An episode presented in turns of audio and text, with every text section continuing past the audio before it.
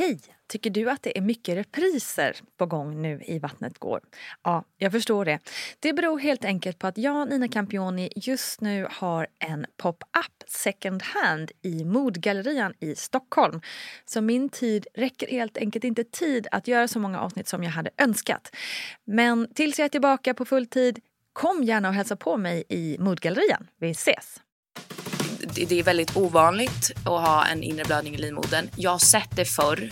Eh, hon bara, men då har det ofta slutat i missfall. Så jag vill ändå att du ska veta att det finns en ganska stor risk att det här fostret inte kommer överleva. God dagens kära lyssnare. Jag hoppas att du mår riktigt fint. Välkommen ska du vara till podden Vattnet går med mig Nina Campioni. Graviditet, förlossningar och sånt står på schemat. Men såklart handlar skapandet av liv om mycket, mycket, mycket mer än så. Och den här veckan ska vi också gå in på tvivlen som man kan känna som gravid. Kanske framförallt första gången. Liksom, vill jag det här? Vill jag att mitt liv ska förändras så mycket som jag antar att det ska? Och så vidare.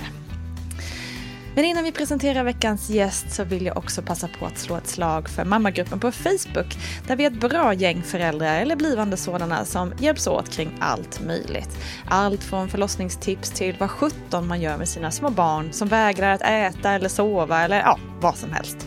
Det är verkligen en supergrupp så välkommen dit. Men nu är det dags att presentera veckans gäst som denna vecka är fantastiska influensen, programledaren och overall härliga människan Nicole Falciani. Och från sin bostad i Rom så ska hon nu berätta om paniken som uppstår när man blir oväntat och oplanerat gravid.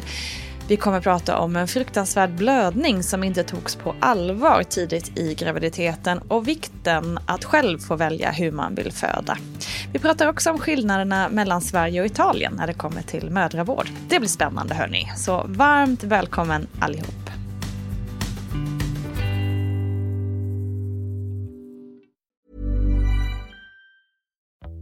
Life is full of what ifs. Some awesome, like what if AI could fold your laundry? And some, well, less awesome, like what if you have unexpected medical costs? United Healthcare can help get you covered with Health Protector Guard fixed indemnity insurance plans. They supplement your primary plan to help you manage out of pocket costs. No deductibles, no enrollment periods, and especially no more what ifs. Visit uh1.com to find the Health Protector Guard plan for you. Hiring for your small business? If you're not looking for professionals on LinkedIn, you're looking in the wrong place. That's like looking for your car keys in a fish tank. LinkedIn helps you hire professionals you can't find anywhere else, even those who aren't actively searching for a new job but might be open to the perfect role. In a given month, over 70% of LinkedIn users don't even visit other leading job sites. So start looking in the right place. With LinkedIn, you can hire professionals like a professional. Post your free job on linkedin.com slash people today. When you're ready to pop the question, the last thing you want to do is second guess the ring. At Bluenile.com, you can design a one-of-a-kind ring with the ease and convenience of shopping online. Choose your diamond and setting. When you find the one, you'll get it delivered right to your door. Go to Bluenile.com and use promo code LISTEN to get $50 off your purchase of $500 or more. That's code LISTEN at Bluenile.com for $50 off your purchase. Bluenile.com code LISTEN. Burrow's Furniture is built for the way you live. From ensuring easy assembly and disassembly to honoring highly requested new colors for their award-winning seating, they always have their customers in mind. Their modular seating is made out of durable materials to last and grow with you. And with Burrow, you always get fast, free shipping. Get up to 60% off during Burrow's Memorial Day sale at burrow.com slash ACAST. That's burrow.com slash ACAST. burrow.com slash ACAST. Okej, okay. ciao! Hej! Hur är läget där borta i Italien? Där borta, jag är också i Italien. det är faktiskt bra. Hur är det själv? Uh -huh. Jo men det är bra, kul att få prata med en fellow svensk italiana. Exakt. Kan man säga så? du, vad var dina tankar kring att bli förälder, att bli mamma? Eh, om vi liksom backar bandet några mm. år liksom. Alltså jag har nog faktiskt aldrig känt en längtan efter att bli mamma. Eh, jag har ju liksom en del vänner som är såhär, nej men gud jag har alltid drömt att bli mamma, det har varit min största dröm. Men jag har aldrig känt den känslan. Eh, och jag har nog varit så här, ja blir det inga barn så är jag nöjd med det. Och hittar mm. jag en partner som jag vill skaffa barn med så får det bli så. Så att jag har nog aldrig varit inställd på att jag skulle skaffa barn utan det var mer så här, händer det så händer det. Eh, och det hände ju. det gjorde ju det. Exakt. Jag gissar då att det inte var liksom minutiös schemalagd planering. Absolut det. inte. det var det inte. Hur, eh, vad var det som gjorde att du misstänkte? Var det något mer än liksom så här mensen var sen eller vad var det som gjorde att du Nej, alltså det, sjuka är att det låter, alltså jag är inte alls spirituell. Jag är inte sån som så här, jag vet inte hur man ska förklara men jag, jag är inte spirituell och tror inte på så mycket sådana typer av saker. Men här så när jag blev gravid då så var vi uppe i Milano, jag och min pojkvän och min mens var inte sen, jag hade inga symptom. Mm. Men jag kände, jag bara, jag är gravid. Jag bara vet det. Nej. Eh, och okay. jag vågade inte säga något till min kille för jag tänkte han kommer tycka jag är helt koko om jag säger att nej, men jag har inga symptom, min mens är inte sen, men jag är gravid. Så jag bara, nej men jag kan inte säga det till honom än, jag får ju vänta och se om mensen blir sen. Men jag bara kände det på mig. Alltså det går inte det att förklara var... på något bättre sätt för jag hade inga symptom. Eh, min mens, mm. det här var typ en måndag, tisdag och min mens skulle inte komma förrän till helgen. Eh, så det var ju liksom ingenting som indikerade att jag var gravid men jag bara fick en känsla. Mm. Så coolt ändå. Ja faktiskt, jättekonstigt. Ja. Men blev du rädd då eller du kände det där eller var det, eller var det ändå liksom lite spännande? Eller? eller eh, ja men jag fick nog lite panik eh, och mm. så kände jag så här okej okay, men jag känner ju att jag är gravid. Jag kan inte säga vad det är men jag känner att jag är gravid. Och så var jag så här, okej okay, men jag litar inte på att ta sånt tidigt graviditetstest för jag var så här, hur ska den veta om inte ens min mens är sen? Så jag tog liksom inget test utan var så här, men jag får ju vänta till måndag om en vecka. Eh, för om den inte har kommit då så är jag ju förmodligen gravid. Och sen så åkte vi hem till Sverige den helgen och vi landade i Sverige söndag eftermiddag. Och då hade min mens fortfarande inte kommit. Och då var jag så här, okej okay, jag är nog gravid. Och då fick jag panik. För då var jag såhär, mm. men gud nu är det på riktigt. Eh, och jag var såhär, jag kan inte vänta till imorgon på att ta test. Så jag, eh, jag gick hemifrån. Eh, och där var liksom, vad kan klockan ha varit? Det var en söndag, typ. klockan var väl typ runt åtta på kvällen. Eh, och eh, det, här är så, det här är så sjukt, men jag trodde ju att matbutiker, alltså Ica och Coop och sånt sålde gravtest. Det gör de ju inte. nu blev jag också helt ställd. Det hade jag nog också tänkt att Nej, de men, gör. Men det är bara de gör, ja. som gör det. Så jag gick ju ja, till Coop där jag bor. alltså ja. där jag bodde då i Stockholm. Och var så här. Ja men du vet kolla det fanns inga gravtest. Till slut gick jag ju fram till en tjej som jobbar där och bara. Hej alltså har ni gravtest? Hon bara nej det säljs bara på apotek. Och jag bara ursäkta. och eh, så kollade jag på klockan och i och med att det var ju sent en söndag så var det så här okej okay, men det enda apoteket som är öppet är ju det vid eh, T-centralen. Just det. Och jag bara, jag kan inte vänta. Alltså jag måste veta nu. Så jag åker dit. och min kille bara, vad gör du? Jag bara, nej jag handlar. De hade inte det jag ville ha så jag var tvungen att gå till ICA istället. För jag ville liksom inte berätta för honom förrän jag visste. Nej. Eh, och då åker jag då till, den här, till det här apoteket, köper två gravtest.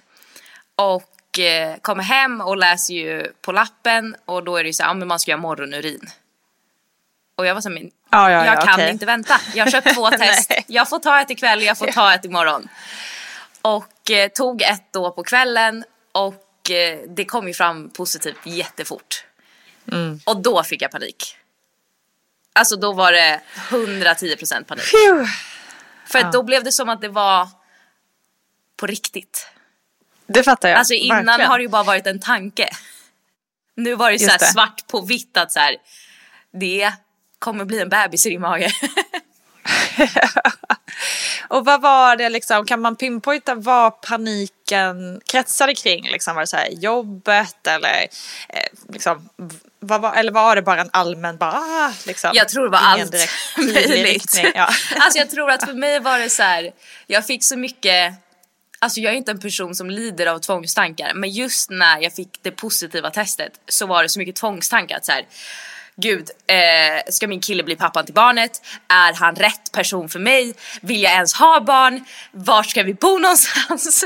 Vad, Allt. Alltså allt bara var så här. Fattar. det var som att så här, li, li, livet liksom lite så passerade framför en och var så här. Alltså också tror jag för att så här, folk målar upp det som att när du får barn är det över. Och jag kände Mm. lite den känslan, det är nu det är över. Ja men det fattar. Du är ju liksom inte alltså, supergammal heller om man Nej. tänker Stockholmsmätt när man blir första gångs... eh, För hur gammal var du när du fick eh, testet där? Eh, 25. Jag hade precis fyllt 25. 25 när jag fick Ja. eh, mitt positiva graviditetstest. Och det är ju egentligen, i alla fall om man ser till Stockholmsmätt och kanske också den, den värld vi befinner Ja. oss lite, liksom media, influ- alltså det är ju, det är ju ungt Ja, liksom. ja men det är det ju. Eh, så man fattar ju de tankarna, att det blev stressat. Ja. Men eh, hade du också tankar så här, vad fan ska jag göra? Ska jag behålla? Eller liksom var det ändå så här att det var liksom, jag är gravid och då, och då är det bara en väg? Eller? Nej. eller såg du fler vägar på det? Eh, vi, alltså både jag och min kille pratade ju ganska eh, mycket om om vi skulle behålla eller om vi eh, skulle göra bort. Eh, och det tog nog ändå, alltså för mig tog det nog ändå ett par dagar innan jag liksom bestämde mig. Nej men jag och min kille Adem vi pratade ganska mycket om, eh, ja, men om vi skulle behålla eller inte. Eh, han, han sa aldrig rakt ut att han ville behålla utan han var så här, men det är ett beslut som är upp till dig. Men jag visste ju att han, han har ju alltid drömt om barn och han har ju alltid velat, alltså jag visste ju att så här, kommer jag bli gravid så vill han verkligen ha det här barnet. Så jag visste ju vart han stod i frågan men han sa aldrig rakt ut att jag vill behålla utan han sa att det är helt och hållet upp till dig. Och jag hade ju liksom, ja men jag hade ju panik och var så här, gud är det rätt tid nu? Borde vi vänta? Vi hade ju inte heller, eller vi har ju inte varit ihop så länge. Vi har varit ihop i sommar i tre år. Eh, så det var ju också ganska nytt. Eh, men sen så till slut efter ett par dagar så landade väl jag i att Alltså för min del var det i alla fall att så här, okej men det spelar ingen roll om jag skaffar barn nu eller om två år. Alltså, då kan jag lika gärna göra det nu. Jag fattar. Eh, Nu hoppar vi lite liksom fram och tillbaka, men hur var det att berätta för eh, din kille? Nej men jag hade ju panik när jag började. Alltså så att jag hade ju målat upp någonstans i mitt huvud att så här, den dag jag blir gravid då ska jag göra du vet värsta revealen och du vet göra på något roligt sätt. Eh, men sen när jag fick det här positiva testet så fick jag panik och jag hade hört ut, alltså, utifrån vardagsrummet att han pratade i telefon så att när det blir positivt så säger jag pratar du fortfarande i telefon? Och han bara nej. Och jag bara okej. Och så gick jag ut ur toaletten och slängde graviditetstestet på honom och sa jag är gravid. Så att eh, det blev ingen eh, fin Inte den härlig... romantiska gesten. Nej absolut inte. Och när, det här är också så roligt för när jag då kastar det här testet på honom eh, så säger han, då skrattar han först för att han tänker att jag skämtar och jag bara nej alltså jag är seriös, jag är Ja, gravid, ja. kolla på stickan. Han bara, men du har ju kissat på den här stickan. Jag bara, ja men jag har ju satt tillbaka locket. Så liksom första reaktionen var, ja ah, men du har kissat på den här stickan. Jag bara, jo men det har jag ju, men jag har stängt den också. Exakt. Och eventuellt eh, har ni haft liksom kontakt body fluids tidigare. Kan vi nog säga. Okej, jag fattar. Så stressig inledning. Hur, hur ehm, när du väl hade bestämt dig, Mm. hur liksom tog du dig an graviditeten rent mentalt sen? Eh, alltså, det, det var ganska svårt i början för att jag hade ju ganska tuff start på graviditeten. Eh, jag, alltså det började med typ en vecka efter jag hade plussat. Jag plussade ju också jättetidigt. Jag var ju typ vecka två, tre när jag plussade. Så fick jag alltså extrema magsmärtor. Och Okej. jag kunde knappt stå upp, jag blev kallsvettig, eh, jag kunde knappt äta. Och det var inte så här att jag var illamående utan det var verkligen alltså, jättekraftig magont liksom. Och eh, åkte ju då såklart in till gynakuten. Eh, och de, eh, alltså om jag ska vara helt ärlig, de var katastrof. Eh, de gjorde typ ingenting utan frågade mig om det var min första graviditet och jag sa ja. De bara ja, det är din första graviditet och du är ju ung så det är vanligt att vara orolig. Jag bara, okej men alltså jag är Okej. inte här för att jag är orolig. Alltså jag är här för att jag knappt kan stå upp för att jag har så ont i magen. Men jag blev hemskickad och de kollade i princip ingenting. Också i och med att det var så tidigt så kunde man inte se något foster eh, än. Och eh, sen några dagar senare så börjar jag blöda. Eh, Mhm. Och åker in till gynakuten igen. Eh, får ingen hjälp då heller. Utan då säger de Men att, snälla nån. eh, då säger de, ja men det, det kanske är missfall. Jag bara, aha okej, ja men då får du bara vänta och se. Jag bara, aha okej, men vad ska jag göra? Nej det är bara vänta och se. Och sen så gick det liksom ytterligare ett par dagar och alltså det var verkligen eh, alltså jag är ändå så här, jag har ju reumatism, eh, jag har opererat bort min blindtarm så jag är ändå van vid smärta. Men det här var liksom något helt annat. Eh, och sen eh, till slut så ehm, Ja men säger min kille, ja men för att egentligen fick ju inte eh, ens partner följa med in på gynakuten på grund av covid. Men sen så till slut så säger nej men nu åker jag med och de får fan kolla liksom. Och eh, då, följer, eller då åker vi in igen till gynakuten. Och eh, de var lite så här, men vad gör det här? Jag bara, ja alltså smärtan har ju inte gått över och vi vet ju inte vad det är. Alltså ni kan ju inte säga att det kanske är missfall. Alltså då får ni ju koll, alltså utreda, göra en utredning. Och de bara, ah, men din partner får inte vara här. Och min kille var så här, jo jag kommer vara här tills ni har gjort någonting. Och eh, Bra. då gjorde de ultraljud igen men kunde inte se någonting. Och då var det lite samma visa igen. Ja ah, men vi ser ingenting så du får åka hem. Eh, och alltså smärtan pågick ju i liksom i typ Men fick ingen hjälp med smärtan eller någonting liksom? Nej, de var så här, du kan ta Alvedon. Eh, och jag bara, okej men det funkar ju inte. Alltså, jag, alltså Alvedonen gjorde ju minus. Det räcker Bruno, gå och lägg dig. Som, alltså jag hade så här ont i typ tre fyra veckor. Och alltså kunde knappt sova. Jag gick ner alltså, jättemycket i vikt. Och eh, till slut så går jag då till eh, vårdcentralen och är så här, alltså ingen hjälper mig, ni får, ni får fan göra någonting för att jag kan liksom inte jobba, jag kan inte sova, jag kan inte äta. Alltså, och då till slut, eh, efter mycket, mycket, mycket om och men, så fick jag en remiss till en specialistgynekolog. Eh, Okej. Och fick komma till henne och eh, på första besöket, hon bara, ja men det är inte så konstigt att du har haft ont och liksom gått ner i vikt och hon bara, du har ju en inre blödning i livmodern. Nej men du skojar. Så jag hade typ 500 milliliter blod i buken. Eh, Herregud. så hon bara, men så här, och hon hade väl inte kollat min journal så hon bara, men alltså hur länge har det gått med det här? Alltså varför har du inte sökt Ja. vård tidigare? Jag bara, alltså jag har haft så här i tre och en halv vecka men ingen har liksom, de har bara sagt att det kanske är missfall. Och hon bara, men skojar du med mig? Jag bara, nej tyvärr inte. Eh, och hon, då var hon så här, ja alltså i och med att du är gravid eh, så kan vi inte göra någonting åt din inre blödning utan den måste läka själv. För att man vill inte gå in och shit. pilla i magen liksom eh, när man är gravid. Hjälp. Så, och så var hon också att hon bara, det, det är väldigt ovanligt att ha en inre blödning i livmodern. Jag har sett det förr. Eh, hon bara, men då har det ofta slutat i missfall. Så att jag vill ändå att du ska veta att det finns en ganska stor risk att det här fostret inte kommer överleva.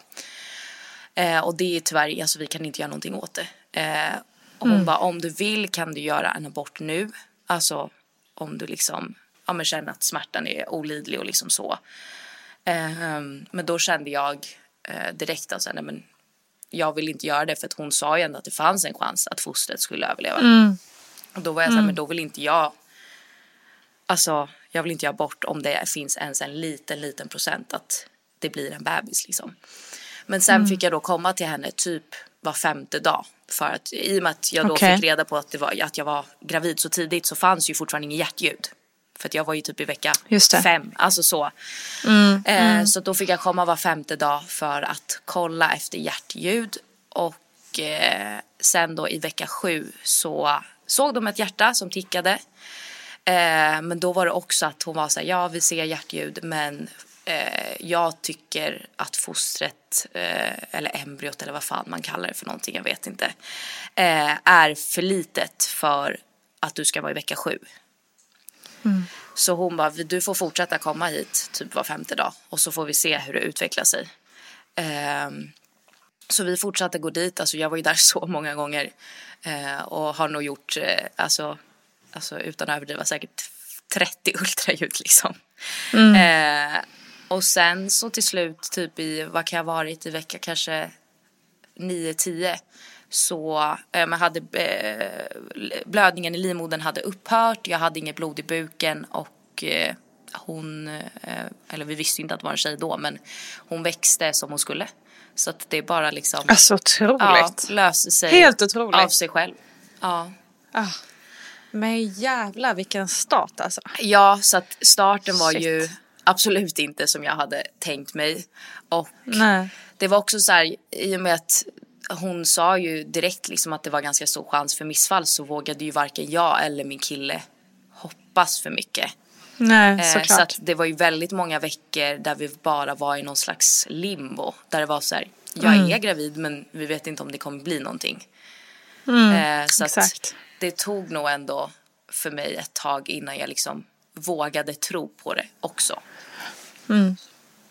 Men du måste, hur var det med smärtan? Alltså, hade du sådär ont också hela tiden eller började det liksom lägga sig lite framåt? Eller hur? Jag hade så ont i, i typ fyra veckor. Eh, gud. och sen så liksom, ja men när hon också såg då att livmodern, eh, alltså att blödningen hade upphört, då började det också göra mindre och mindre ont. Så Mm, att jag skulle väl säga att smärtan la väl sig helt typ runt vecka så här, ja men 11-12. Eh, och sen Mm. Jävlar, liksom alltså. resten av graviditeten så hade jag inga problem. Eh, men Mm. första liksom fyra veckorna var ju Eh, Alltså det var, jag har ju liksom anteckningar i mobilen eh, där från första veckorna där jag liksom, ja men nu när jag läser tillbaka dem så är jag såhär, men gud hur, hur orkade jag? Ja, exakt. Verkligen. Alltså shit vilken både så här mirakelbebis och vilken Verkligen. jävla otrolig kvinnokraft. Alltså styrkan i dig där. Alltså helt otroligt. Ja, alltså jag tyckte mer det var, alltså även nu efterhand så tråkigt hur jag blev bemött på, alltså gynakuten. att, vidrigt det, ju. att det just var så här, ja men typ en klapp på axeln och var så här, ja det är vanligt att vara orolig. Jag bara, men jag kom inte hit fyra gånger för att Jag är en orolig. blödning. Alltså, liksom så här- en in, alltså det är helt sjukt. Alltså jag, säga, jag kan knappt stå upp för att jag har så ont i magen och Ah. jag blöder men du säger att jag, det är vanligt att vara orolig för att jag är ung och det är min första graviditet. Alltså du vet jag bara, okej, alltså det, ja. Nej, shit alltså. Ja, där, där vill man ju liksom gå in sen och bara hej alla som jag har träffat. Mm. Eh, kolla här, jag blöder här inne. Liksom. Det är helt sinnessjukt. Också mer hur man, alltså tänker jag, att man också kanske får vara lite Alltså kommer det in en tjej, oavsett egentligen ålder, men som är kanske då lite yngre, eh, som säger att det är hennes första graviditet, då kanske man också ska vara lite mer empatisk. Alltså att det är Alltså, så här, verkligen. Alltså när de då sa, ja ah, det kanske är missfall. Som att de var så här, ja ah, det kanske är Mm. missfall, ryckte på axlarna. Då är jag så här, men vänta ni kan ju säga det på ett lite gulligare, alltså man, man behöver inte alltid Mm. vara jätterak och ärlig. Man kan också kanske bädda in det lite finare. Verkligen.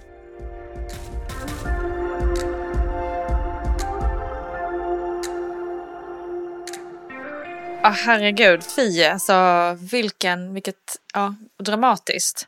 Eh, det jag också hörde lite när du berättade var ändå liksom att du ändå gick från att vara osäker på om du ville behålla barnet till att du alltså gav all din smärta för möjligheten att barnet skulle överleva. Ja, Så ändå gud, ja. en, liksom en mental förändring där. Eh, Ja, men så var visar det. att du började få starka känslor för, för liksom, barnet där inne. Ja men alltså det, det, för mig blev det så att det var så här, ja men dig vill jag, alltså det är så konstigt egentligen, alltså det har man ju pratat om med andra vänner som har varit gravida men att man känner så mycket för någonting man egentligen inte har någon aning om vad det är. Alltså så här, vem Mm. är du? Alltså så här, men ändå så känner man så mycket men man har ju aldrig träffat den här lilla personen. Men Nej. ändå känner man så mycket. Speciellt. Hur var sen resten av graviditeten? Eh, Men resten av graviditeten var alltså väldigt, väldigt bra. Eh, Jag, alltså utöver liksom komplikationen i början så skulle jag ändå säga att jag hade en väldigt bra graviditet. Eh, Men jag, alltså jag gillar verkligen inte att vara gravid. Jag tyckte så här, ah, det var tungt och det var jobbigt och nej. Eh, så att, alltså den var bra men jag känner verkligen att jag är inte en av dem som är så här, gud jag älskar att vara gravid. Nej jag tyckte faktiskt det var piss. Eh, Men jag skulle väl säga mellan typ vecka 15 och vecka 30 så mådde jag väldigt, väldigt, väldigt bra. Och sen i vecka 30, gud vad var det för vecka? Kanske vecka 32, 33 tror jag det var. Så började jag få eh, ja, väldigt mycket sammandragningar, jag fick förverkar. Eh, ja, jag blev ordinerad av min gynekolog sista sex veckorna att liksom göra noll fysisk ansträngning. Så att sista okay. veckorna var också ganska jobbiga mentalt. För mm, att jag kände jag mig så det. låst liksom. Såklart. Hur tänkte du liksom rent, alltså hur såg du framtiden? Jag tänker att du har ju också ett yrke som är väldigt speciellt mm. och allting är väldigt kretsat till dig i ditt liv mm. personligen mm. liksom så. Vad, alltså hur såg du att en bebis eller det här nya familjelivet skulle liksom platsa in i, i det liv som du har varit van vid att leva liksom? Jag, jag har nog inte, alltså fortfarande inte tänkt så mycket på det. Alltså jag, jag är nog en person som tänker att allting löser sig. Så det var mm. nog hela grundinställningen eh, med graviditeten och också liksom när vi började prata om hur det skulle bli när hon kom. Att jag var så men det, det löser sig på något sätt. Eh, och det, det har löst sig. Så att jag, jag tror liksom mm. inte, jag har inte haft någon plan eller någon tanke utan jag har bara varit så här, hon får hänga på så löser det sig på något sätt.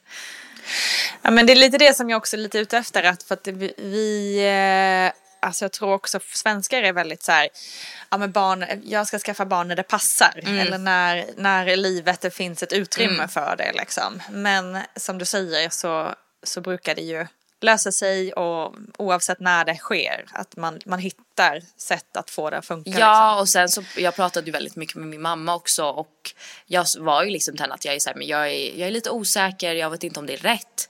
Och då sa hon något som jag, jag tycker var väldigt bra och fint. Att hon var så men det kommer aldrig vara helt rätt att skaffa barn. Nej. Om hon bara, om du väntar på det rätta tillfället så kommer det sluta med att du aldrig skaffar barn. För att hon bara, det kommer alltid finnas ja. någonting. Du skulle kunna bo större Exakt. eller du skulle kunna ha ett bättre jobb eller du skulle kunna ha den där bilen eller du skulle kunna, alltså hon bara, om du tänker så, det, det mm. kommer aldrig bli barn. För att det är aldrig rätt tillfälle att skaffa barn. Eh, Nej, utan exakt. Hon, och hon var också så här, hon bara, men det löser sig alltid. Mm. Verkligen. Well put.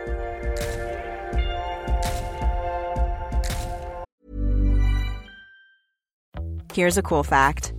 A crocodile can't stick out its tongue. Another cool fact, you can get short-term health insurance for a month or just under a year in some states.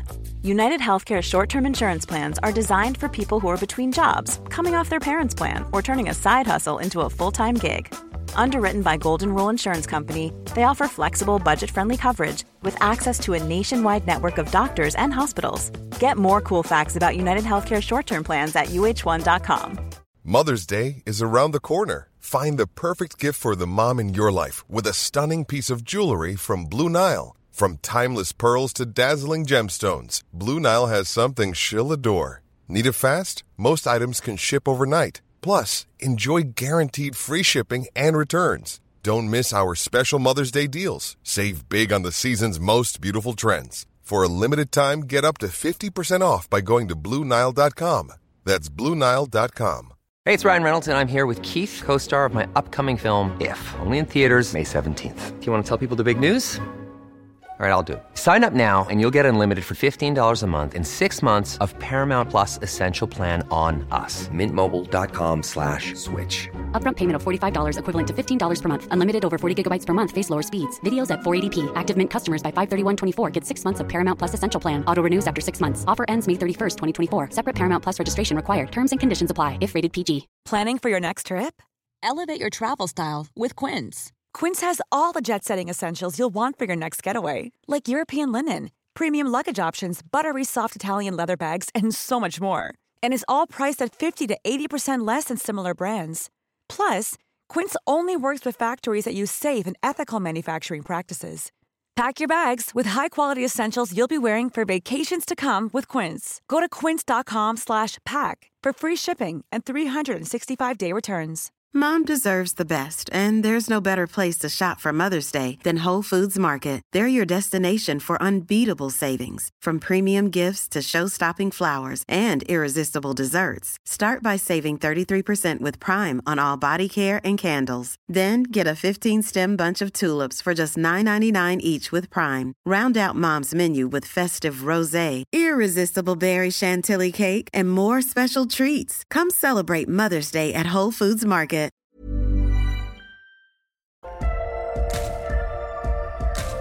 Ni bodde ju också i Rom under graviditeten, Mm. även om som sagt du var i Sverige under, i perioder.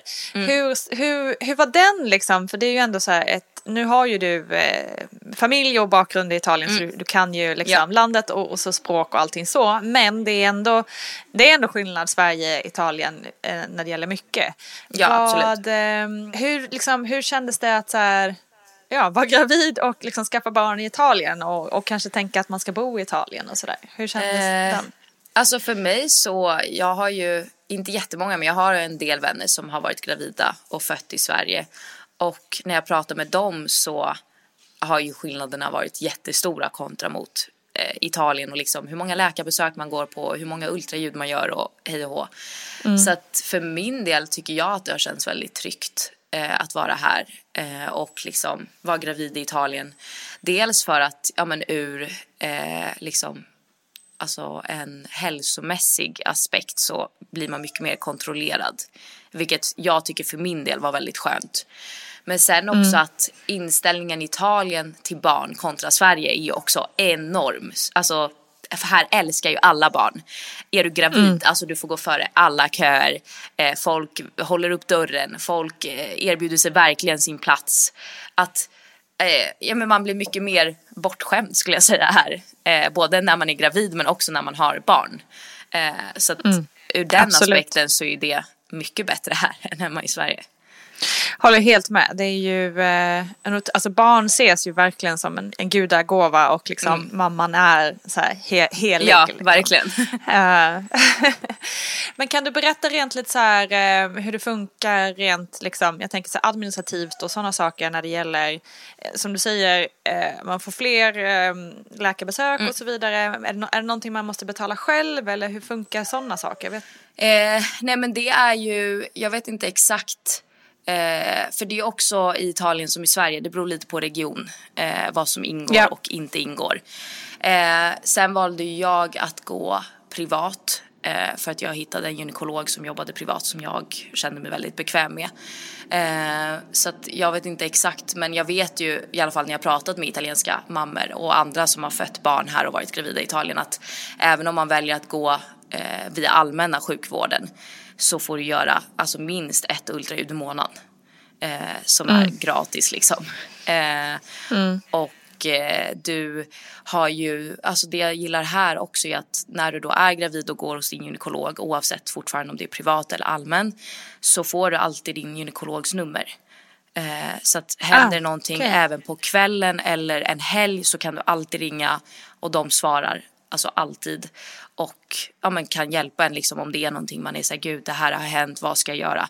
Så att det finns ju liksom en helt annan, Mm. Vilken man får en helt annan, ja det är verkligen en trygghet att veta att Mm. jag kan ringa oavsett typ tid egentligen. Just det. Super, ja, det är någonting att, att lära sig av helt klart. Ehm, hur såg du på förlossningen? Alltså hur, hur gick dina tankar där? Var det nå- något som kändes läskigt eller eh, var det något du Gud, såg ja. fram emot? Eh, nej, förlossning har aldrig varit någonting jag har sett fram emot. eh, och jag har väl alltid känt, alltså även innan, även om jag inte har varit säker på att jag har velat skaffa barn, så har jag alltid varit ganska säker på att den dagen jag väl, om jag skaffar barn, så vill jag föda med snitt. Eh, Och den känslan inföll sig väldigt snabbt i den här graviditeten också. Och i Italien så har man ju möjligheten att välja om man vill föda vaginalt eller med snitt. Eh, Och det är inget jag- snack liksom där att de försöker övertala Nej. dig till något? Alltså, eller så, det är man klart bara de- bestämmer sig. Mm. Eh, de frågar och så när man då kanske säger om jag vill ha snitt så frågar de ju givetvis varför och om de säger om, om det är baserat på rädsla så kan du jättegärna få prata med barnmorskorna på förlossningen. Okej. Men det är liksom ingen, eh, återigen då när jag jämför med eh, vänner jag pratat med i Sverige, det är ingen eh, jag kan uppleva att några av de vänner som har velat föda med snitt i Sverige att det, det är nästan lite skamfullt.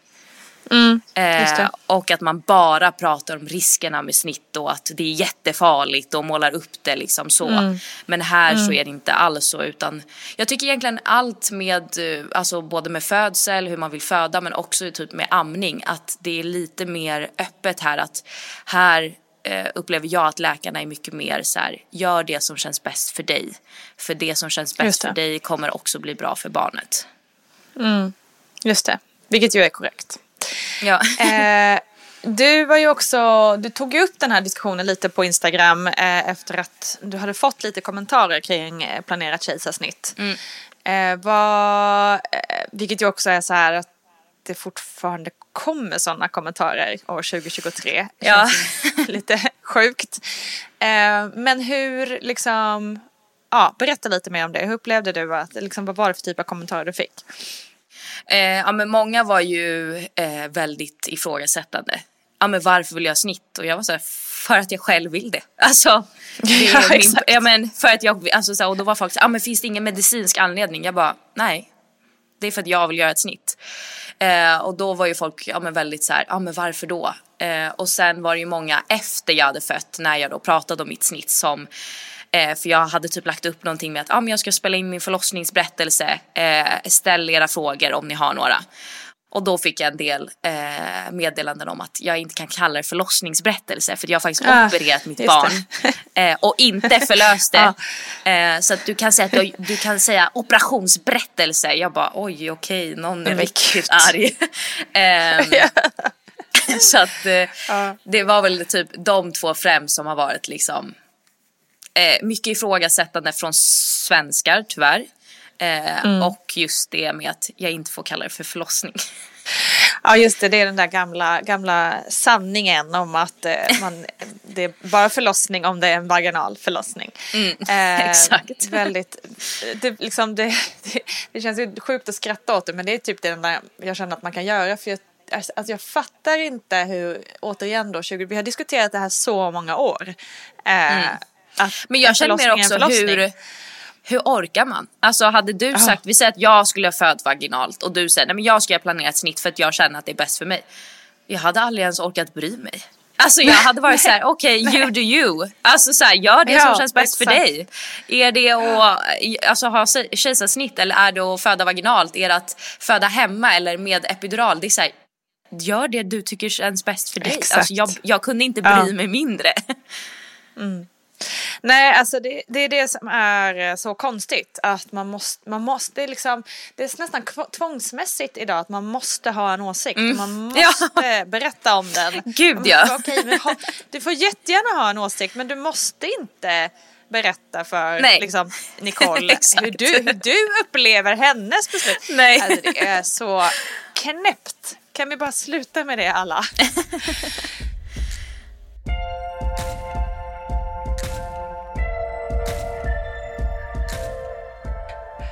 Okej, hörru, men du eh, var tydlig med att du ville ha planerat kejsarsnitt. Eh, Hur var det då sen liksom när du väl fick en tid och det blev mer verkligt liksom att det var snart var det dags? Eh, alltså grejen är att jag hade ju bestämt mig väldigt tidigt att det skulle bli snitt och jag hade sagt det till min gynekolog här i Italien också och han var så här okej inga problem. Man bok, vi bokar tid när det närmar sig. Men i Italien så bokar man ju tid för snitt jättesent. Eh, alltså det är inte som i ganska Sverige. italienskt. Ja, så det är inte, alltså de, ja, de få jag hade pratat med i Sverige som hade fått snitt i Sverige var såhär, nej men jag hade ju min tid typ två månader innan. Nej nej Just det. nej, så var det inte eh, Vi var på ett ultraljud eh, precis innan jul. Alltså så vad kan det ha varit, kanske 22 december liksom. Och Mm. eh, då, då var jag så här, okej men nu får vi ju vårt eh, datum liksom. För att min beräknad, eh, min BF var ju 23 januari. Så jag bara, men nu måste vi ju få liksom operationstiden. Så vi kommer dit och vi pratar och han kollar bebis och bara, ja men hon mår bra, hon är lång och hon, ja du vet så. Eh, och jag bara, okej, och tiden? Du vet när, när, när händer det? Och han bara, nej men det kollar vi ju efter nyår. För det beror på hur stor hon är. Alltså, eh, liksom, tycker vi att hon är väldigt stor efter nyår, ja, men då sätter vi ett tidigare datum. Tycker vi att hon behöver växa på sig lite så sätter vi ett lite senare. Så jag bara, ursäkta? Han bara, nej nej det bokar vi då. Och jag bara, nej. Alltså vet, jag var också så inställd på att nu kommer jag få reda på vilket datum. Ja. Så jag bara, okej. Okay. Och sen så fick vi komma tillbaka då efter nyår och Italien har ju en högtid eh, den 6 januari så att vi fick komma in 8 januari. Just det. Ja, Eh, gud. för det var då, liksom- börjar, då, alltså, då är du inne på att nu kan det komma liksom, Ja, när som helst. den kan ju komma Ja. när som helst. Så jag bara kommer dit och jag bara hallå, nu behöver vi sätta ett datum. Svensken i mig. Och han bara, ja men det kan vi göra. Och så kollar han, han bara, ja men hon är tillräckligt stor liksom så att vi skulle egentligen kunna göra snittet när, när som helst. Men han bara, jag skulle eh, säga eh, den 13 eller den, eh, den 16 januari. För att den 13 var en fredag och sen 16 var ju då en måndag. Och eh, jag var ju så trött på att vara gravid. Alltså sista veckorna var ju kämpiga liksom. Och det, vi var ju där då, ja men det var ju liksom bara en vecka innan. Och jag var så här, nej ungen ska ut på fredag. Alltså hon ska komma ut fredag den 13 januari. Eh, och min gynekolog han är tysk. Så han bara, ja Okej. men eh, du, du vet väl eh, i norra Europa och i Sverige och i Tyskland, det är otur med fredag den 13. Jag Ingen bara, bra dag. jag bara, jag vet, jag skiter i, alltså jag kommer inte vara gravid en dag till. Så han bara, men vi kan ta på måndag också. Jag bara, nej nej nej, alltså du förstår inte, jag kommer inte vänta. Eh, Om du säger att jag får göra snittet på en fredag, jag gör det. Alltså, och han bara, okej. Så då bokade vi in, ja men fredag då den 13. Ehm, och eh, alltså så att liksom den tiden bokades ju den 8 januari. Så att det var ju Det inte härligt. många dagar före. Inte lång förberedelse. Eh, nej, verkligen. nej, gud nej. Eh, och sen man så här, ja om det mot förmodan skulle vara så att typ vattnet går eller dina verkar börja komma innan dess så får du ringa mig och så får vi ge dig eh, sånt, jag vet inte vad det heter men sånt dropp som stannar av verkar. Mm. Och så får vi göra snittet då liksom. Jag bara okej vad bra. Ja, det är minst sagt annorlunda. Ja, så det var ju inte så här, åh jag visste två månader i förväg vilket datum hon skulle komma. Nej, nej, nej. Jag fick veta fyra dagar innan. Men det känns också, skulle lika gärna kunna varit så här, ja, ja vi, kan, vi kan väl göra det, vi kan göra det imorgon. alltså, Ja men alltså det hade ju typ inte förvånat mig om han hade sagt så här. Nej. vi kan göra det imorgon också. Alltså också för att det var ju inte som att när vi då var på det där besöket den 8 januari, det var ju inte då som att han var så här, okej nu måste vi sätta datumet. Utan vet, han Nej, höll på att chitchatta. Och jag på. bara hallå, när ska vi göra det här jävla snittet? Han bara ja vi kan göra det på fredag om du vill, vi kan göra det på måndag om du vill. Jag bara vadå om jag vill? Säg bara när jag ska göra det här jävla snittet. Herregud.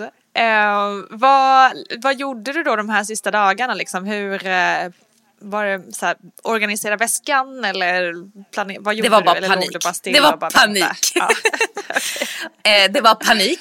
Eh, för att också så här, återigen, alltså det är klart jag fattade att jag var gravid men det blev ju så himla verkligt när det var så här, på fredag kommer hon. Alltså Ja, så ja. Fredag Sjukt. efter lunch då är jag mamma. Alltså du vet det är så konstigt. Så jag hade absolut panik igen. Eh, och sen så var det ju, alltså jag bara typ gick omkring hemma och det kändes, alltså de dagarna har aldrig gått så långsamt. Alltså vet, det var bara som att så här, du vet, kolla på klockan så bara, aha, det har gått 40 minuter sen sist jag kollade. Alltså vet, jag var bara så här, kan jag bara få sova i fyra dagar och vakna upp och det är fredag. eh, nej men och sen så det var väl liksom, jag var mest hemma, vi packade väskan, fast jag packade väskan på torsdagen dagen innan så det var inte heller som att jag gjorde det eh, tidigare. I fyra dagar. nej, eh, nej så det var mest bara så här, alltså verkligen gå runt och kolla på klockan. Herregud, jag kan fatta det. Som bara drag it out verkligen. Men du, Mm. är det någon sån här, eh, just när man packar väskan och så. Nu har ju inte du fött barn i Sverige så, så du kanske inte kan jämföra exakt, men du kanske vet dina kompisar och sådär. Om det är något särskilt i Italien som man bör ta med sig eller som man rekommenderas ha med sig eller som, som vi svenskar kanske inte tar med sig. Ja, Parmesanost. alltså parmesanost, alltid. Nej men det jag vet, eller så här, jag födde ju på privatsjukhus Eh, och då eh, typ ingick ju allt eller vad man ska säga. Alltså allting Ah, fanns okej. ju där. Men jag vet att om man föder på ett allmänt sjukhus i Italien och det är samma sak egentligen alltså om du opererar dig eller vad som helst. Om du blir inlagd på ett allmänt sjukhus i Italien. Då behöver ju du ha med, det är så sjukt, men du måste ju ha med dig handduk, lakan eh, och Ah, bestick. Eh, så du Bestick ju, också? Ja, du, alltså du får ju mat men du får inget bestick eller glas eller alltså så, här, så. Så du måste ju gud, weird. ha med dig sånt. Men det hade ju jag eh, för att jag födde då på ett privat sjukhus så de hade ju Mm. allt. Men annars är ju det en konstig grej i, med just Italien. För det vet jag när jag opererade blindtarmen akut eh, när jag var 18 i Italien. Så blev jag akut inlagd eh, och du vet så här jag skulle duscha och jag bara var är handduken? De bara det måste du ha med dig. Jag bara va? Så Ska jag med min jävla hand? Alltså jag bara, jag kom in akut. Det är inte som att det är planerad operation. Alltså du vet, nej. Eh, så mina vänner, jag var ju där med mina vänner, de fick liksom gå och köpa en handduk och ta med sig till sjukhuset. Eh, så att sånt är liksom lite märkligt här. Eh, men just när det gäller liksom när man föder, du måste ju då ha med allt sånt annars. Men det- vet jag inte hur det är i Sverige men här får du ju, du behöver inte ha mer än några blöjor, du behöver inte ha mer än några binder, du behöver inte ha mer än några eh, alltså så amnings, eh, alltså sådana inlägg om man läcker. Man behöver inte ha med sig något sånt. Det vet jag inte hur det är Okej. hemma. Nej men det är väl ofta så att man får det man behöver precis där efter förlossningen och till bebisen behöver man ju sällan ta med sig någonting. Ehm, Men just kanske pads och sånt till, ja men det är lite mer grejer man, som till en själv kanske man måste tänka på. Så är, det är ju verkligen det som är lite snett här hemma att så fort bebisen är ute så är, det ju, är ju mamman lite bortglömd liksom. Ehm, tyvärr. Men ska vi, ska vi ta oss till fredagen den 13 då? Hur, eh, hur var det? Hur mådde du där på morgonen när du skulle åka in? Var det känslorna all Alltså, over? när vi åkte in, vi skulle vara inne ganska tidigt. Och då var jag ändå ganska lugn. Alltså då, då var jag nästan så här, min kille bara, du är för lugn. Alltså det är någonting konstigt. men jag var så här, nej men gud det här är ingen fara. Jag var cool lugn. Men sen när vi kom in till sjukhuset eh, och du vet gynekolog, min gynekolog kom in för att eh, gynekologen som då har följt mig under hela graviditeten, det var ju han som gjorde mitt snitt. När han kommer in och han kommer in med eh, eh, narkosläkaren och ska berätta då exakt vad de kommer göra, vilken tid allting händer. Då fick jag ju panik återigen. Alltså du vet jag kollade på dem, de hade så här varit inne i vårt rum och förklarat allting och sen hade de gått ut och var så här, ja ah, vi kommer tillbaka om typ en halvtimme, timme och då liksom kan du börja göra dig redo för då ska vi upp till operation. Och du vet jag bara vänder mig om till min kille och bara tittar på honom jag bara, vi åker hem, vi skiter i det här. Han bara, han bara men älskling ungen måste ju ut, även om det inte är nu men i så fall om två veckor. Jag bara, Ja. ja jag vill inte längre. Eh, så att den, alltså så här, den, från att läkarna hade kommit in och gått ut tills att jag skulle upp till operationssalen, alltså då, ja men då var det återigen panik. För då var det så här, alltså inte för att det har varit det, alltså när man bara, när du är i vecka 38-39, there's no turning back. Men jag kände Nej, ännu mer då upp till operationssalen att jag bara, nu är det verkligen ingen turning back. Alltså nu är det, nu gäller det. Nu kommer en Eh, bebis. Ja, herregud. Ja, så att det var typ, ja men det var liksom, jag tror också så svårt för att jag har inte varit runt så mycket eh, spädbarn. Jag har Nej. inte så många vänner som har barn. Så att jag också så här, jag visste inte heller riktigt vad jag skulle vänta, alltså vad jag skulle förvänta mig, vad jag skulle, vad, alltså det är klart man har hört folk prata om det men för mig var det fortfarande så långt ifrån. Fastän Mm. det var så här, okej du kommer vara mamma om en halvtimme. men det så kändes sjuk fortfarande så alltså. abstrakt liksom. Ja. ja, gud. Alltså verkligen. Det är ju det är helt omöjligt att veta hur, hur, det, hur det ska se ut, hur det ska, hur det ska kännas, hur, hur, hur liksom, Alltså allt från det fysiska, hur tung bebisen kommer vara, alltså hur kommer Ja. det kännas på, alltså omöjligt ju. Ah, shit, häftigt. Men var det läskigt eh, eller kändes det tryggt i själva operationssalen och så? Nej men sen fick jag då åka upp till operationssalen. Adem fick eh, i början eh, sitta utanför medan jag fick min epidural eh, i ryggen. Och då, alltså just här, i och med att jag har reumatism och har varit så otroligt mycket på sjukhus så jag är liksom inte spruträdd, jag är inte nålrädd. Alltså jag har inget, ingen sån liksom rädsla. Så när jag var i operationssalen så kände jag mig ändå ganska lugn. Alltså det är klart att det är läskigt Mm. för att det är så här, som du säger, man vet inte vad som komma skall typ. Eh, men det var inte läskigt för att jag var rädd för själva ingreppet. Eh, så de satte epiduralen och det jag hade varit egentligen mest rädd för med snittet var ju epiduralen för att jag, jag vet inte varför, jag hade målat upp att det skulle göra väldigt ont och jag har ju sett hur nålen ser ut och jag var såhär gud den ska in i ryggen. Men för min del, alltså jag kände, alltså det gjorde inte ont alls. Alltså epiduralen verkligen Nej. satte sig, alltså han gjorde på ett försök, gick jättebra. Ehm, och sen när epiduralen då tog och jag liksom, de hjälpte mig lägga mig då på den här britsen, då fick eh, min kille Adem komma in och eh, sitta Okej. uppe vid mitt huvud eh, på en liten pall. Eh, och alltså eh, epidural, det är ju så konstig känsla. Alltså man känner ju verkligen ingenting. Alltså Nej, jag var sjukt. ändå så här, för jag tänkte ändå någonstans att så här, men gud, tänk om man faktiskt känner någonting. Alltså du vet, tänk om den inte sätter Mm. Just sig det. rätt eller tänk, alltså så här. Men alltså, det, först började det med för mig i alla fall att eh, jag blev supervarm. Eh, det började kittla väldigt mycket i benen.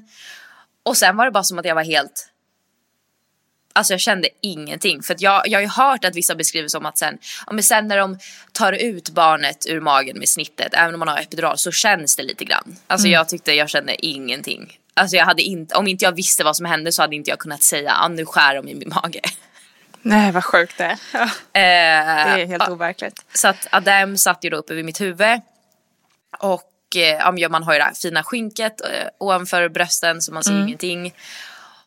Och sen var det lite sjukt för att jag var lite borta. Eh, jag fick lite problem med att mitt hjärtslag gick ner lite eh, Aha, under okej. snittet. Så jag fick lite adrenalin och sånt. Eh, så att jag var liksom lite borta. Jag var liksom inte helt med. Alltså jag var ju vaken men ändå inte helt vaken. Nej, jag fattar. Om man ska säga. Obehagligt. Eh, men sen då i någon slags dimma så säger jag till Adem. Jag bara älskling. Kan du, kan, du säga, kan du fråga dem och säga att de ska säga till när de börjar skära? Alltså i mig. Jag vet inte varför jag ville veta Ja. det. Jätteoklar grej. Men det var, jag bara det är viktigt. Och han typ tittar på mig som att okej du är sjuk i huvudet men absolut jag frågar dig älskling. Så han bara vänder sig om då till eh, ena sjuksköterskan och säger så här. Ah, Nicole vill gärna att ni säger till när ni börjar skära. Och jag märker ju ingenting av det här. Men Adem märker ju då att han får liksom en lite konstig blick av sjuksköterskan som är så här. Ja, ah, absolut. Och sen så typ några minuter senare var ju hon ute. Så att de hade ju Ja, redan börjat exakt. skära i Ja. mig när vi då frågade Ja. om de kunde säga till. Men hon ville väl inte säga det. Eh, Nej. Så det är liksom det, från att bara, jag då har "Shit, du sagt skulle det. sagt det. Ja, exakt. Så från att då jag säger till den frågar här så är det på riktigt. Från, alltså från att jag sa det tills att hon var ute så var det typ mindre än fem minuter. Eh, Sjukt. och Ja. det var ju så också, fort. jag hade ju, i och med att jag var lite borta i någon slags dimma så hade jag ju heller ingen tidsuppfattning. Så typ efter snittet, jag bara, till Adem, jag bara, alltså när jag då var lite mer vaken ett par timmar efter, jag bara alltså wow, de gjorde på typ 10 minuter. Han bara, nej alltså vi var där inne i 45 minuter. Och jag bara, va? Alltså vet, för mig fanns, alltså det kändes verkligen som att det gick på fem minuter. Men det tog uppenbarligen längre tid än så.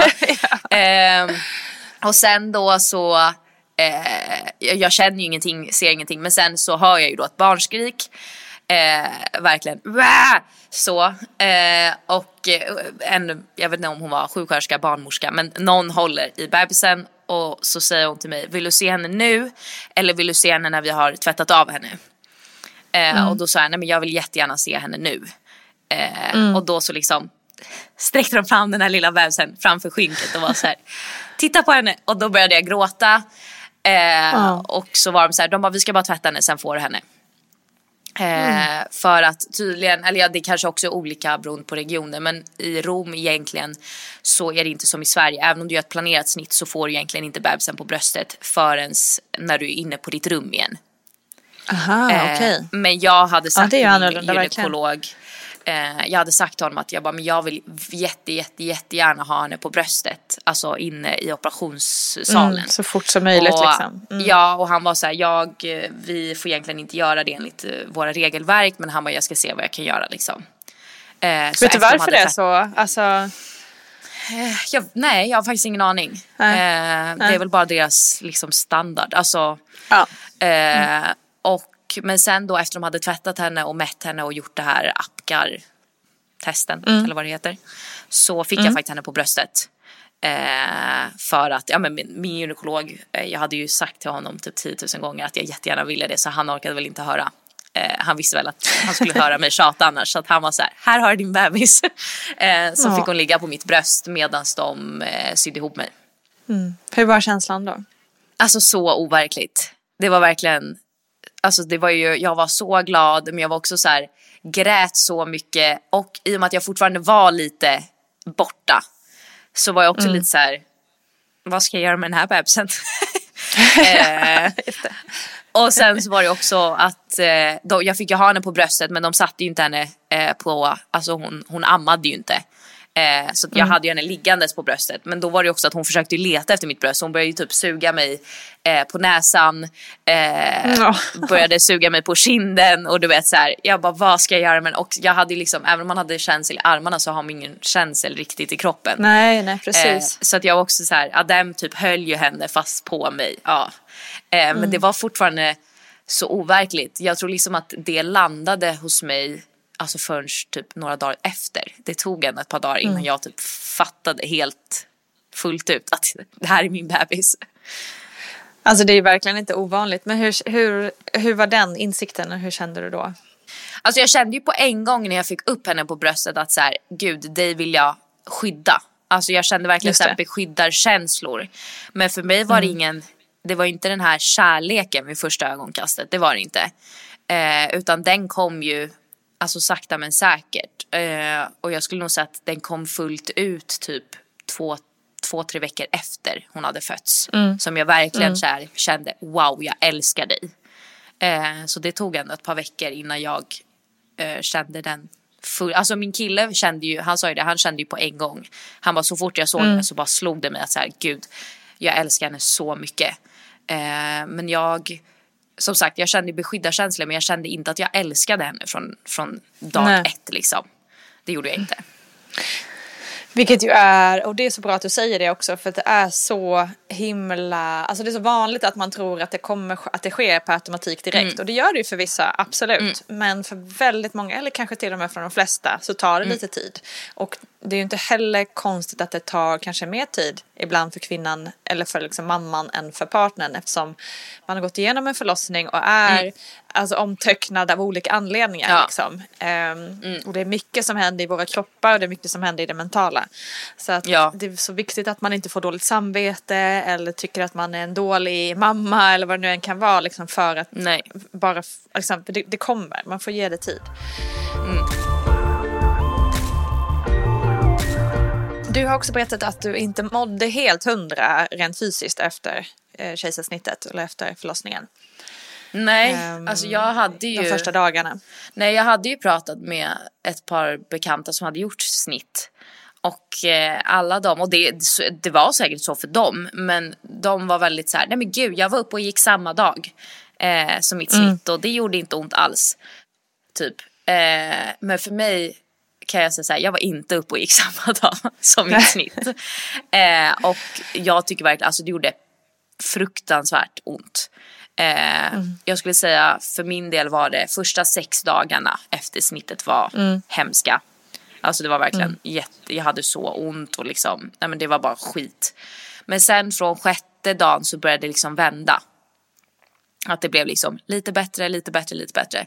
Så jag skulle nog säga att, ja men eh, typ vecka, alltså när det hade gått typ 14 dagar så det är klart att det kändes givetvis men då kände jag ändå att så här, men nu är det fine. Jag kan gå promenader, jag kan liksom ja, men, göra det mesta. Eh, men just första sex dagarna önskar jag att någon hade eh, Alltså sen som sagt, det kanske för dem jag har, pratat med så kanske det var så att det inte gjorde ont för dem.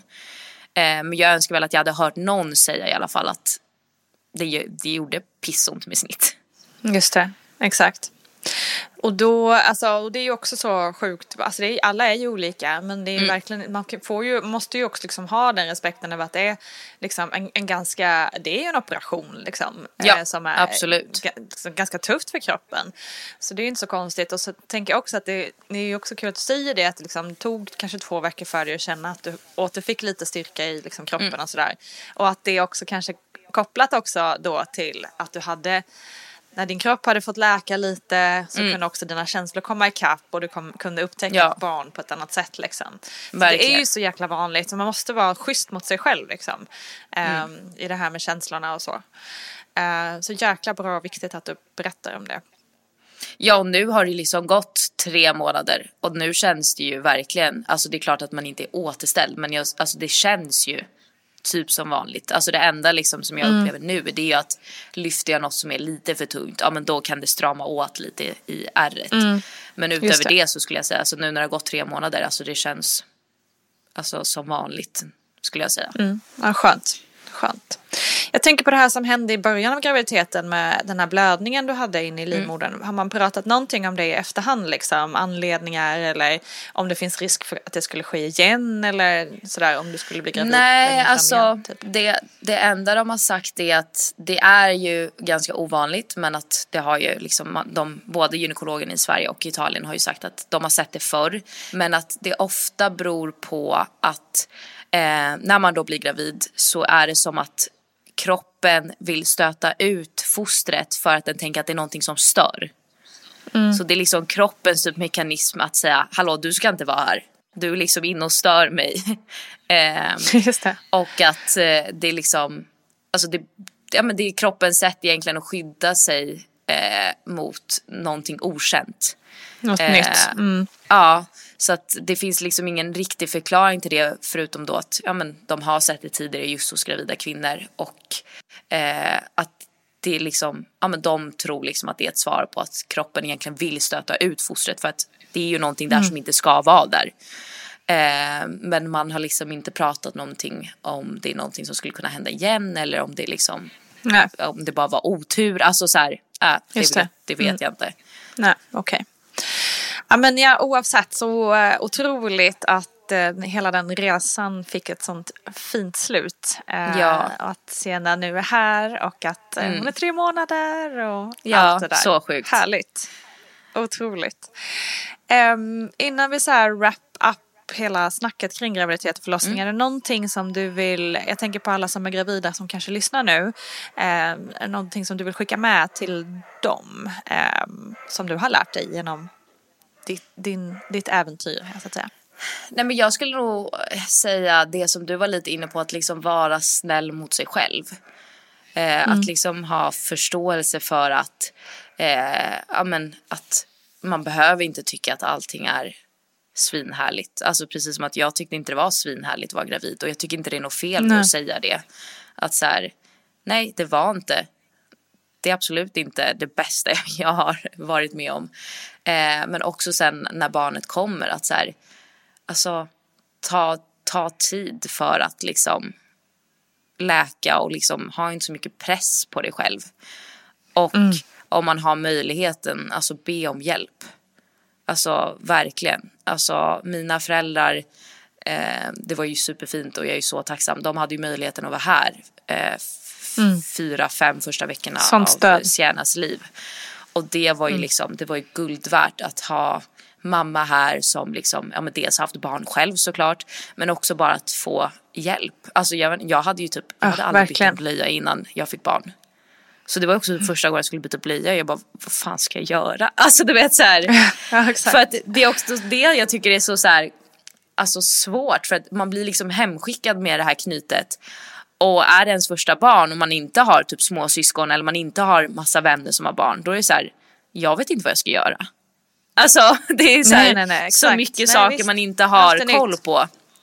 Så att jag Mm. tror bara att det viktiga är att liksom inte ha så mycket press på sig själv och vara så här, be om hjälp om det är någonting du inte vet. Är det någonting du inte har koll på? Det är så här, fråga.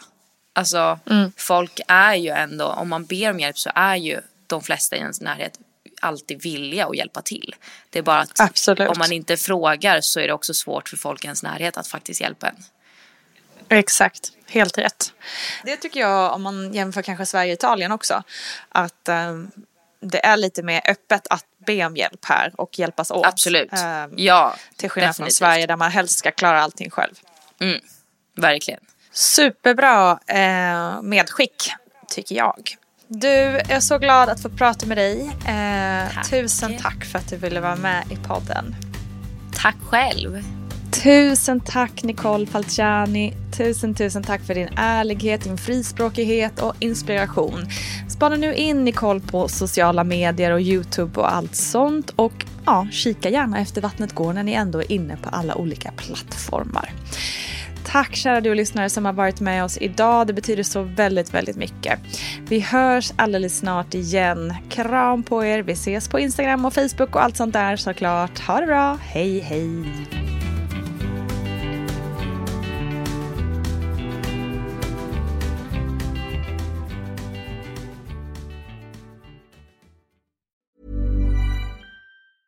Mom deserves the best, and there's no better place to shop for Mother's Day than Whole Foods Market. They're your destination for unbeatable savings, from premium gifts to show-stopping flowers and irresistible desserts. Start by saving 33% with Prime on all body care and candles. Then get a 15-stem bunch of tulips for just $9.99 each with Prime. Round out Mom's menu with festive rosé, irresistible berry chantilly cake, and more special treats. Come celebrate Mother's Day at Whole Foods Market. Planning for your next trip? Elevate your travel style with Quince. Quince has all the jet setting essentials you'll want for your next getaway, like European linen, premium luggage options, buttery soft Italian leather bags, and so much more. And it's all priced at 50 to 80% less than similar brands. Plus, Quince only works with factories that use safe and ethical manufacturing practices. Pack your bags with high-quality essentials you'll be wearing for vacations to come with Quince. Go to quince.com slash trip for free shipping and 365-day returns.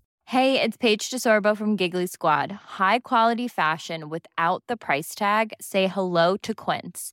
I'm snagging high-end essentials like cozy cashmere sweaters, sleek leather jackets, fine jewelry, and so much more. With Quince being 50 to 80% less than similar brands and they partner with factories that prioritize safe ethical and responsible manufacturing. I love that. Luxury quality within reach. Go to quince.com slash style to get free shipping and 365 day returns on your next order.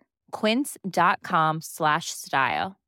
Imagine the softest sheets you've ever felt. Now imagine them getting even softer over time that's what you'll feel with Bowl and Branch's organic cotton sheets. In a recent customer survey, 96% replied that Bowl and Branch sheets get softer with every wash. Start getting your best night's sleep in these sheets that get softer and softer for years to come. Try their sheets with a 30-night guarantee. Plus, get 15% off your first order at bowlandbranch.com. Code BUTTERY. Exclusions apply. See site for details.